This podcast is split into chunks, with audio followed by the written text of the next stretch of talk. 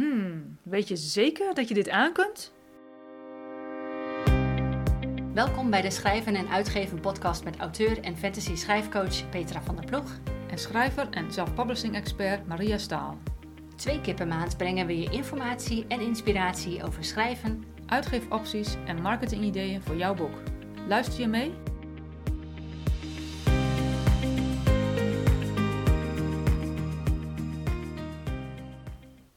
Hallo allemaal, ik ben Maria Staal en het is vrijdag 11 maart 2022. Dit is aflevering nummer 16 van de podcast, waarin we het gaan hebben over het krijgen van feedback op je verhaal. Petra en ik leggen uit waarom je hier actief om wilt vragen. We geven tips over hoe je de juiste feedback krijgt en wat je kunt doen als je overvallen wordt door slechte kritiek. Deze aflevering is voornamelijk gericht op fictie, maar ook schrijvers van non-fictie kunnen er voordeel uit halen. Veel luisterplezier!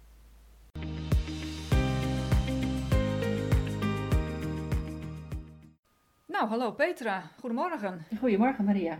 We zijn nog steeds uh, in Zoom, via Zoom aan het opnemen, dus uh, we gaan gewoon nog even verder. Dat is geen probleem. En we gaan vandaag het hebben over een, uh, ja, een belangrijk onderwerp, denk ik, voor, met name voor, nou, zowel voor fictieschrijvers als voor non-fictieschrijvers. Dat is over het, het krijgen van feedback ja. over jouw verhaal, over jouw ja, wat je hebt geschreven. En dat is natuurlijk best heel erg spannend. Want ja, je hebt iets geschreven en ja ja, nou opeens gaan mensen daar een mening over hebben. Dus dat is best, best een eng moment. Ik begin maar meteen bij de eerste vraag die ik, eh, die ik heb voor jou. Uh, waarom is feedback-vragen uh, belangrijk? Waarom het belangrijk is? Ja, dat heeft een paar redenen natuurlijk. Um, sowieso als je je boek wil gaan uitgeven, je wil een professioneel boek naar buiten brengen. Dus dat betekent automatisch dat je moet weten wat je eigen valkuilen zijn. Um, en dat weet je niet op het moment dat jij je verhaal niet door andere mensen laat lezen voordat je gaat uitgeven. Um, dus je eigen valkuilen ontdekken is een hele goede manier via proeflezers. Daarnaast wil je een frisse en een professionele blik op je, op je werk. Um, een andermans perspectief op jouw werk. Uh, want daarmee zie je namelijk of het verhaal wat jij in jouw hoofd hebt, of dat overeenkomt op, de, op je lezer. Of de lezer inderdaad dat verhaal op diezelfde manier um, uh, begrijpt, zeg maar. Ja. En als laatste is het ook het mindset stukje. Uh, je leert en je groeit als schrijver. Je, je, je leert hoe je moet omgaan met kritiek. Dus dat is een hele belangrijke, want um, schrijvers hebben altijd met kritiek te maken. Op het moment dat jouw boek gepubliceerd is, krijg je ook reviews, krijg je ook recensies. Dus je kan beter voordat je publiceert uh, zorgen dat je weet wat mensen over je verhaal gaan zeggen, uh, zodat je daarop voorbereid bent. Ja, en, en uiteraard omdat je daarop voorbereid bent. En ten tweede natuurlijk om te zorgen dat je al een, dat je een supergoed product uh, op de markt brengt natuurlijk. Dat, Zeker. Is ook een, ja. dat is ook een belangrijk onderdeel ja, om te zorgen dat je gewoon je beste boek naar buiten brengt, dat je, dat je, dat je kunt naar, buiten, naar buiten kunt brengen. Klopt. En toch zullen er altijd mensen zijn die het, uh, die het helemaal niks vinden. Ja. Hè? Dus dat is ook, uh, dus in die zin, feedback vooraf uh, zorgt er ook voor dat je kan omgaan met de eventuele kritiek nadat je hebt Nadat je, precies, precies. Dus. Ja.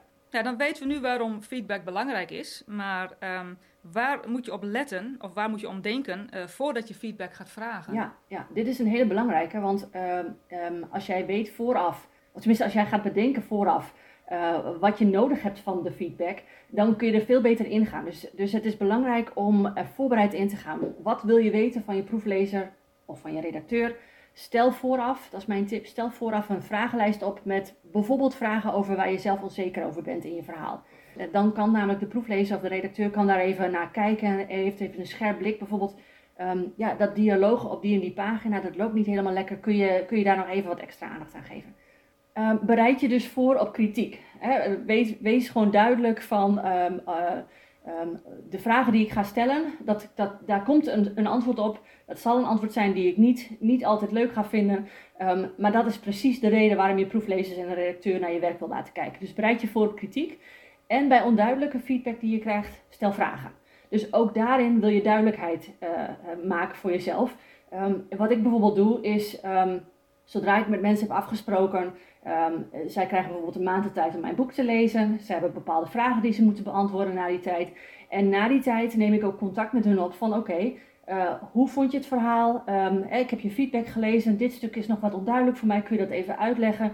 En dat je in gesprek gaat met elkaar, zodat je echt goed begrijpt wat hun feedback is. Want je zult ook tegenstrijdige feedback gaan krijgen van je proeflezers. En daarin is het aan jou om te bepalen Uh, welke feedback neem ik aan? Ga ik aanpassen in mijn verhaal? Of ehm, leg ik naast me neer omdat zij de enige was die, die daar iets over zei en de rest zei het allemaal niet? Ja, Nee, precies. Dat is inderdaad wel belangrijk, denk ik. Dat, uh, niet, niet iedereen gaat jouw verhaal leuk vinden. Of uh, er zijn... Uh, je, zult moeten kijken van mensen hebben bepaalde ideeën, bepaalde mening over een verhaal. En dat, som, soms passen ze misschien heel goed in jouw doelgroep en in het genre wat jij schrijft. En soms misschien niet. En dan zul je, of misschien minder. En dan zul je misschien ideeën krijgen van oké, dat mensen zeggen van nou ja, uh, ik vind het helemaal niks of wat dan ook. En dan, ja, dan is de vraag van is deze persoon de juiste persoon geweest om het mijn verhaal te lezen. Klopt. Ja, en daar kun je, denk ik, ja, daar, daar, en daar, daar, moet je, daar moet je mee omgaan. Dat je weet van uh, hoe kan ik die feedback voor mezelf verwerken. En als je daar van tevoren al over na hebt gedacht. Ja, ja dat helpt. En het, je komt ook professioneel over, want je weet precies waar, wat je wil vragen.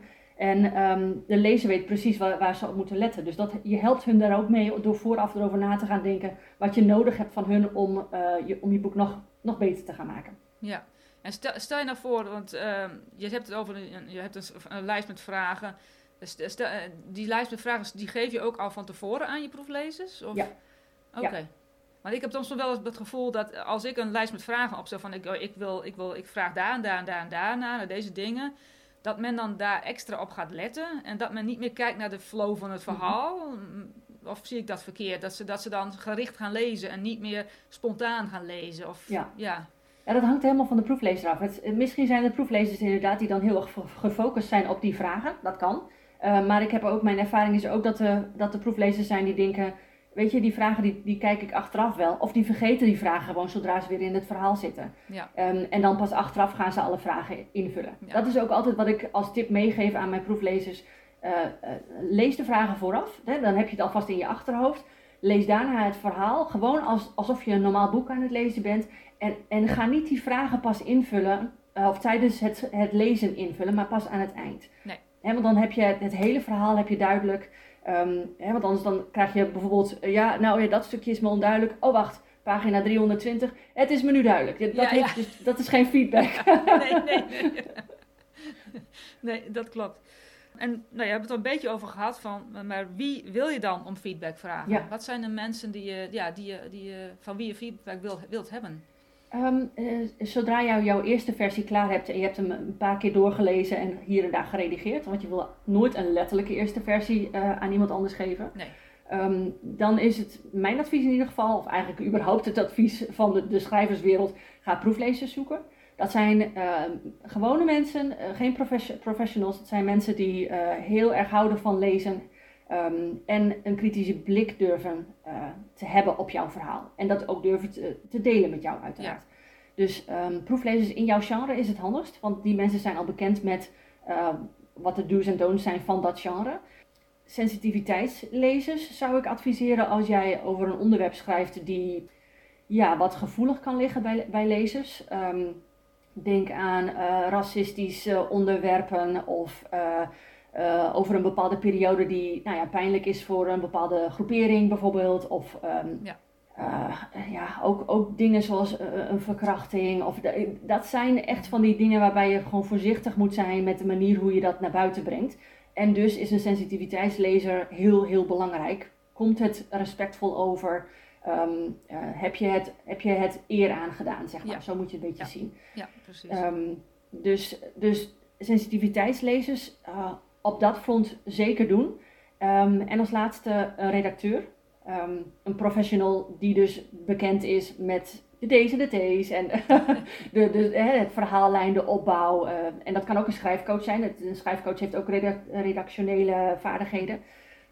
maar wat wel belangrijk is, is als je al familie en vrienden naar je verhaal laat kijken, tel ze niet mee in dat aantal proeflezers, redacteurschap die je, of redacteurs die je wilt toevoegen. Nee. Want um, familie en vrienden, hoe lief en aardig of kritisch ze ook kunnen zijn, zij zijn niet degene die jou van de juiste soort feedback kunnen voorzien. Nee. Daar moet je gewoon van uitgaan. Ja, nee, dat klopt. Ja, nee, ik heb daar zelf ervaring mee. Ik heb in mijn eerste, wist ik veel, mijn eerste fictieverhaal, ik was een non-fictie schrijver, dus ja, weet ik veel hoe, dat, hoe dat in fictie werkt. Dus ik had mijn eerste fictieverhaal, ook allemaal familie en vrienden en kennissen. En één mevrouw die was wel geïnteresseerd en die wou het wel lezen. En die zei achteraf van ja, nou, ik hou helemaal niet van detectives. En ach, ik heb alleen maar even snel even gescand. Ik heb even, eh, even snel gelezen. En ja, ik vond daar eigenlijk helemaal niks. Ik denk, nou ja, later denk ik van ja, die had ik natuurlijk nooit moeten vragen. Want ja, ja ik, maar ik was er toen wel heel teleurgesteld in. Want ik had heel gehoopt dat zij het juist wel leuk zou vinden. En want ik, ik kende haar goed. En ja, dat is, dat is, ja, dat is eigenlijk vond ik het heel jammer dat ze dat op die manier mensen reageerden. En ja, natuurlijk achteraf had ik natuurlijk moeten, nu weet ik dat ik dat niet op die manier had moeten doen. Ja. Maar goed, dat weet je dan niet als je net begint. Ja. Dan vraag je gewoon familie, van, dan, dan vraag je familie en vrienden, omdat je ook niet, je zit nog niet in die wereld, je weet niet waar je die proeflezers moet vinden. Mhm. Dat is natuurlijk een vraag. Waar vind je die mensen? Weet jij dat? Ja, ja, ja, ja dat, is, dat is wel even zoeken inderdaad. En ehm, ik heb mijn proeflezers toen de tijd in, de in uh, leesgroepen gevonden. Dus ik, ben, uh, ik heb aangesloten in een, uh, in een Facebookgroep. dat ging over boekenliefhebbers. Ja. En ik heb daar gewoon een bericht in gezet van luister, ik schrijf dit en dit genre. Dit is ongeveer waar het over gaat. Heeft iemand zin om een proeflezer te zijn? Um, en daar hebben mensen op gereageerd. En ja, zo is dat gaan rollen. En, um, en als je eenmaal contact hebt met een proeflezer, kun je zo iemand ook weer opnieuw benaderen bij een tweede of een derde boek. Ja. Ehm, maar het is, het is dus gewoon inderdaad via social media uh, naar buiten brengen dat je bezig bent met een boek en kijken of mensen erop reageren als jij die vraag stelt. Van hé, hey, uh, ik zoek proeflezers. Um, ja, en um, er zijn zoveel plekken waar je ze kan vinden. Uh, ik bedoel, je kan ook naar een bibliotheek gaan en daar mensen aanspreken. Ja. ik bedoel het gaat erom dat je een beetje creatief gaat nadenken van waar kan ik lezers vinden. En zij hebben in feite als beloning dat ze een gratis boek krijgen. Ja. En het enige wat ze daarvoor moeten doen is dus jouw feedback geven. En dat is gelijk even iets wat ik, waar ik even op in, in wil haken. Um, hou er rekening mee dat van de proeflezers dat ongeveer 50% zeker niet zal uh, uh, terugkomen bij jou. Ja, dat komt heel veel voor. En dat kan heel erg teleurstellend zijn in het begin. En dat, um, daar, daar moet je je overheen zetten. Je kan mensen niet dwingen om feedback te geven. Nee. Dus zorg gewoon dat als jij in die proefleesronde bent, dat jij bij wijze van, ik zeg maar wat, 10, 20 mensen hebt. Uh, zodat je weet dat je nou, in ieder geval 5 tot 10 um, ehm, feedback terug gaat krijgen. Ja. dus dat um, is nog even iets waar je, waar je rekening mee wil houden. Ja, en wat, wat me nu ook zo te binnen schiet. Um, heb jij nog, als het alleen over proeflezers hebben, heb jij dan ook in een, uh, stel je hebt de proeflezers naar de tweede versie, zeg maar. Je hebt de tweede versie, je hebt gereageerd, de tweede versie, je krijgt proeflezers, je krijgt de reacties terug. En je gaat het verwerken. Dan gaat je verhaal naar een professionele redacteur. En je hebt daarna nog een derde of een vierde versie. Heb je daarna nog weer proeflezers? Of heb je die proeflezers alleen maar meteen na de eerste keer? Ik heb, um, um, zodra mijn versie klaar staat en ik heb hem dus voor mijzelf goed genoeg geredigeerd dat ik denk hij kan naar proeflezen, dan heb ik een ronde proeflezers. Uh, hun feedback ga ik verwerken en daarna heb ik nog een ronde proeflezers, nieuwe proeflezers. Okay. Um, die dus het verhaal weer als een soort nieuwe eerste versie lezen. En dan wil ik gewoon kijken, krijg ik dezelfde type feedback als die mijn eerste ronde proeflezers uh, geeft? Want dan kan ik gelijk naast elkaar neer gaan leggen, heb ik de feedback goed begrepen? Um, is het goed verwerkt en is het dus nu een verbetering? Okay. En na die ronde proeflezers uh, gaat hij naar een uh, redacteur.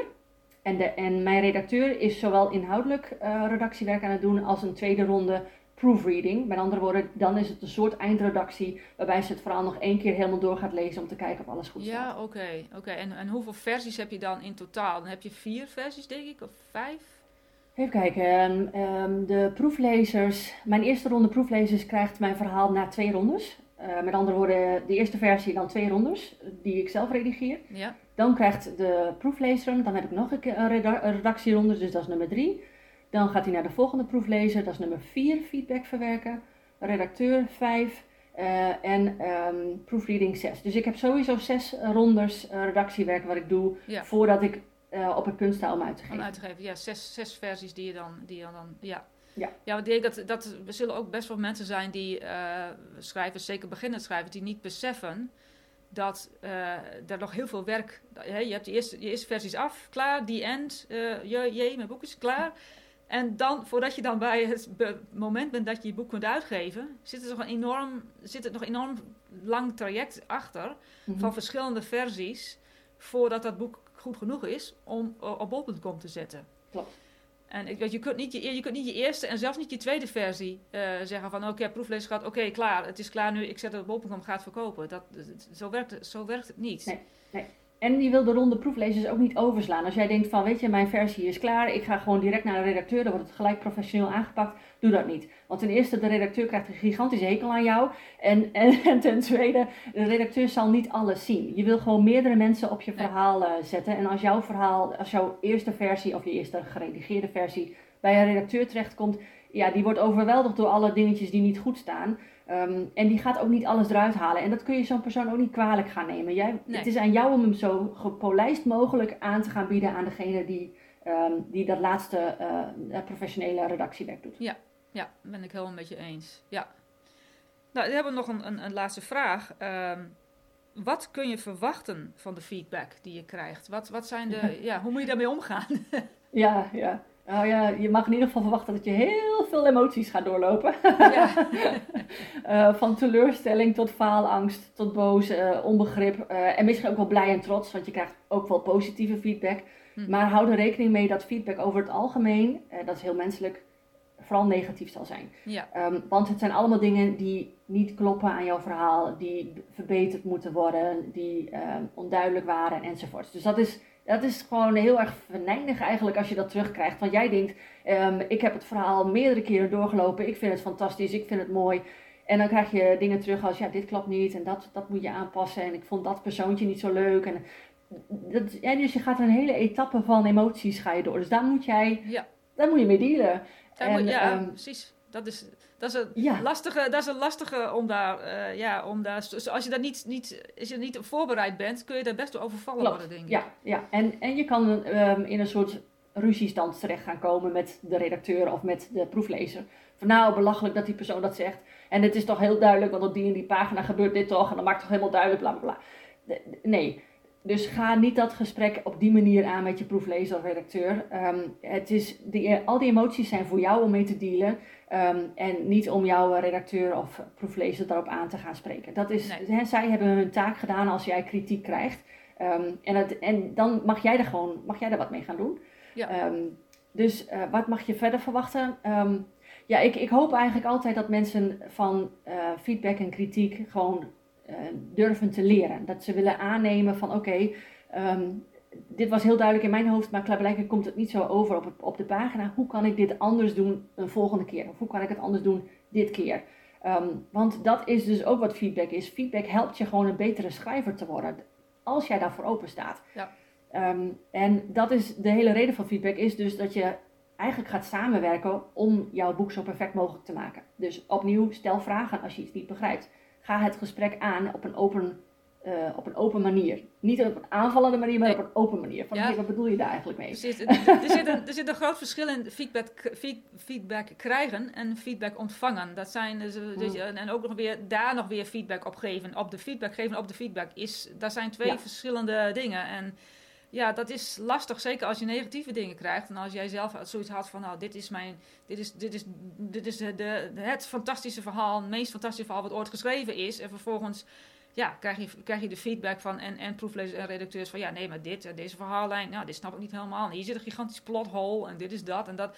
Ja, dat kan je wel, ja, ik heb zelf, um, ik heb zelf gemerkt, met name van mij, de feedback die ik in eerste instantie kreeg bij mijn fictie van mijn schrijfcoach Um, daar was ik uh, enorm, uh, aan één kant enorm had ik echt zoiets van, oh, dat mens, ik haat haar en ik wil haar niet meer. En, en ik liep stampvoeten door de kamer en ik had echt zoiets van, ik ga nooit meer, ik doe dit niet meer. Dat. Maar dat was twee minuten.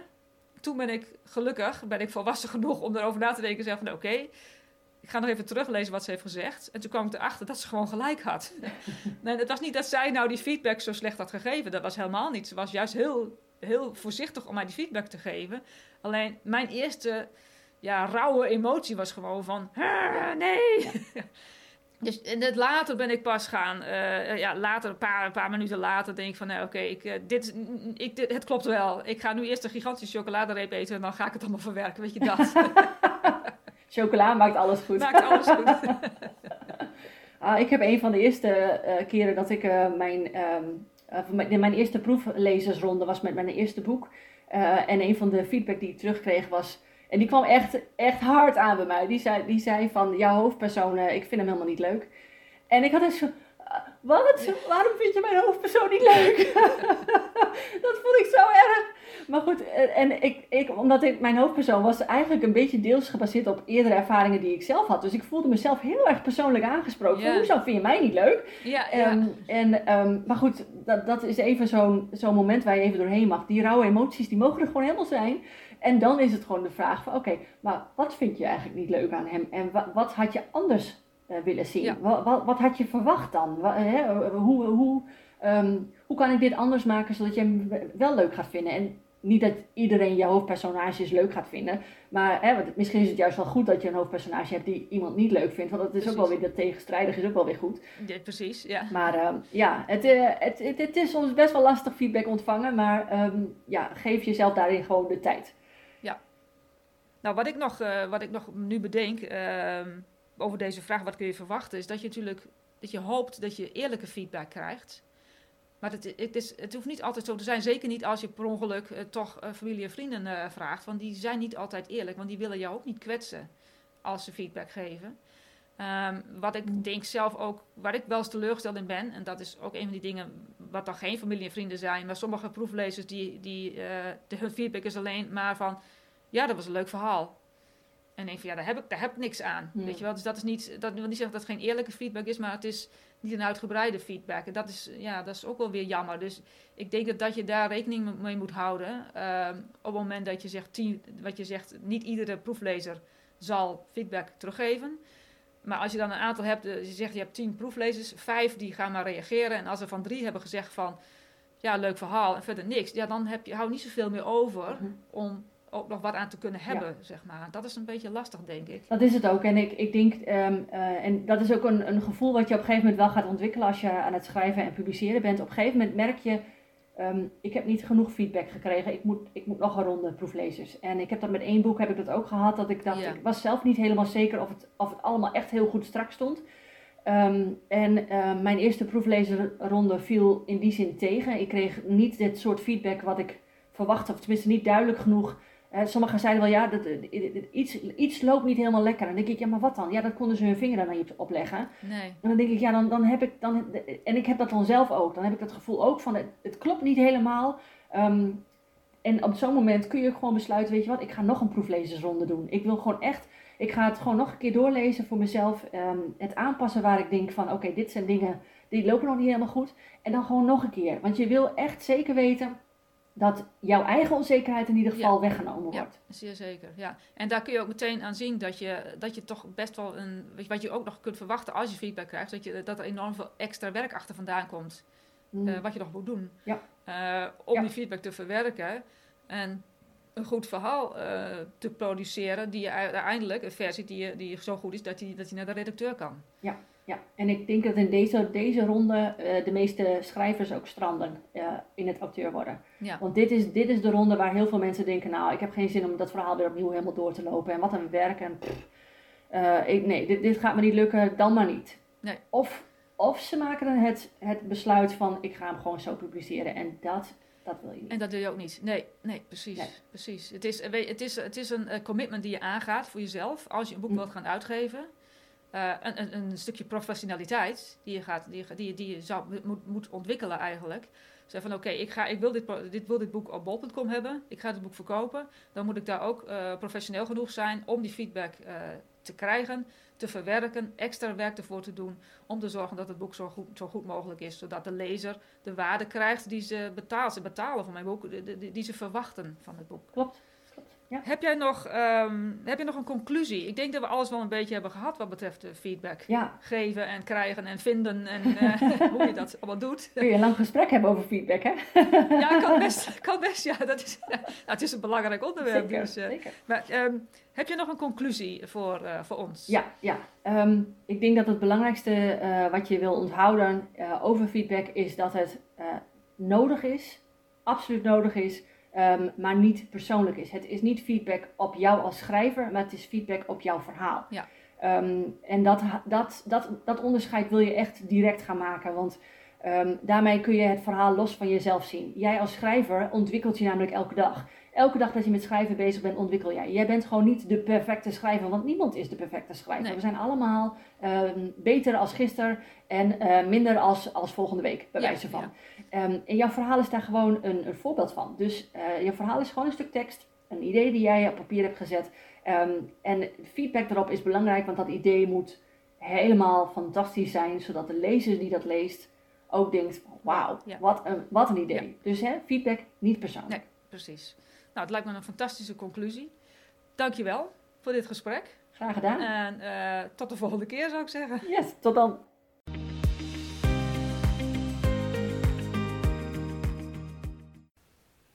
Het krijgen van feedback op je verhaal geeft je de mogelijkheid deze te verbeteren. Feedback is essentieel om een goede schrijver te worden en je lezer jouw beste werk te bieden. Dus wees er niet bang voor. Wil je hier meer over weten? Lees dan mijn blog over proeflezers. De link vind je in de show notes op ons website schrijvenenuitgeven.nl. Ook vind je daar een lijst met mogelijke vragen die je aan je proeflezers kunt gaan stellen. De volgende keer hebben we een extra aflevering waarin we de draak steken met het verkopen van je boek. We vertellen je precies wat je niet moet doen. Het wordt een bijzondere aflevering, dus luister vooral. Tot dan. Bedankt voor het luisteren. We hopen dat je het leerzaam vond. Meer informatie en inspiratie over schrijven vind je op Petra's website fantasyschrijfcoaching.nl. Wil je meer weten over uitgeven en marketing? Ga dan naar mariastaal.nl. Op beide websites vind je ook de show notes en de links naar eerdere afleveringen. Heb je een idee voor een volgend onderwerp? Stuur ons dan een berichtje. Tot de volgende keer.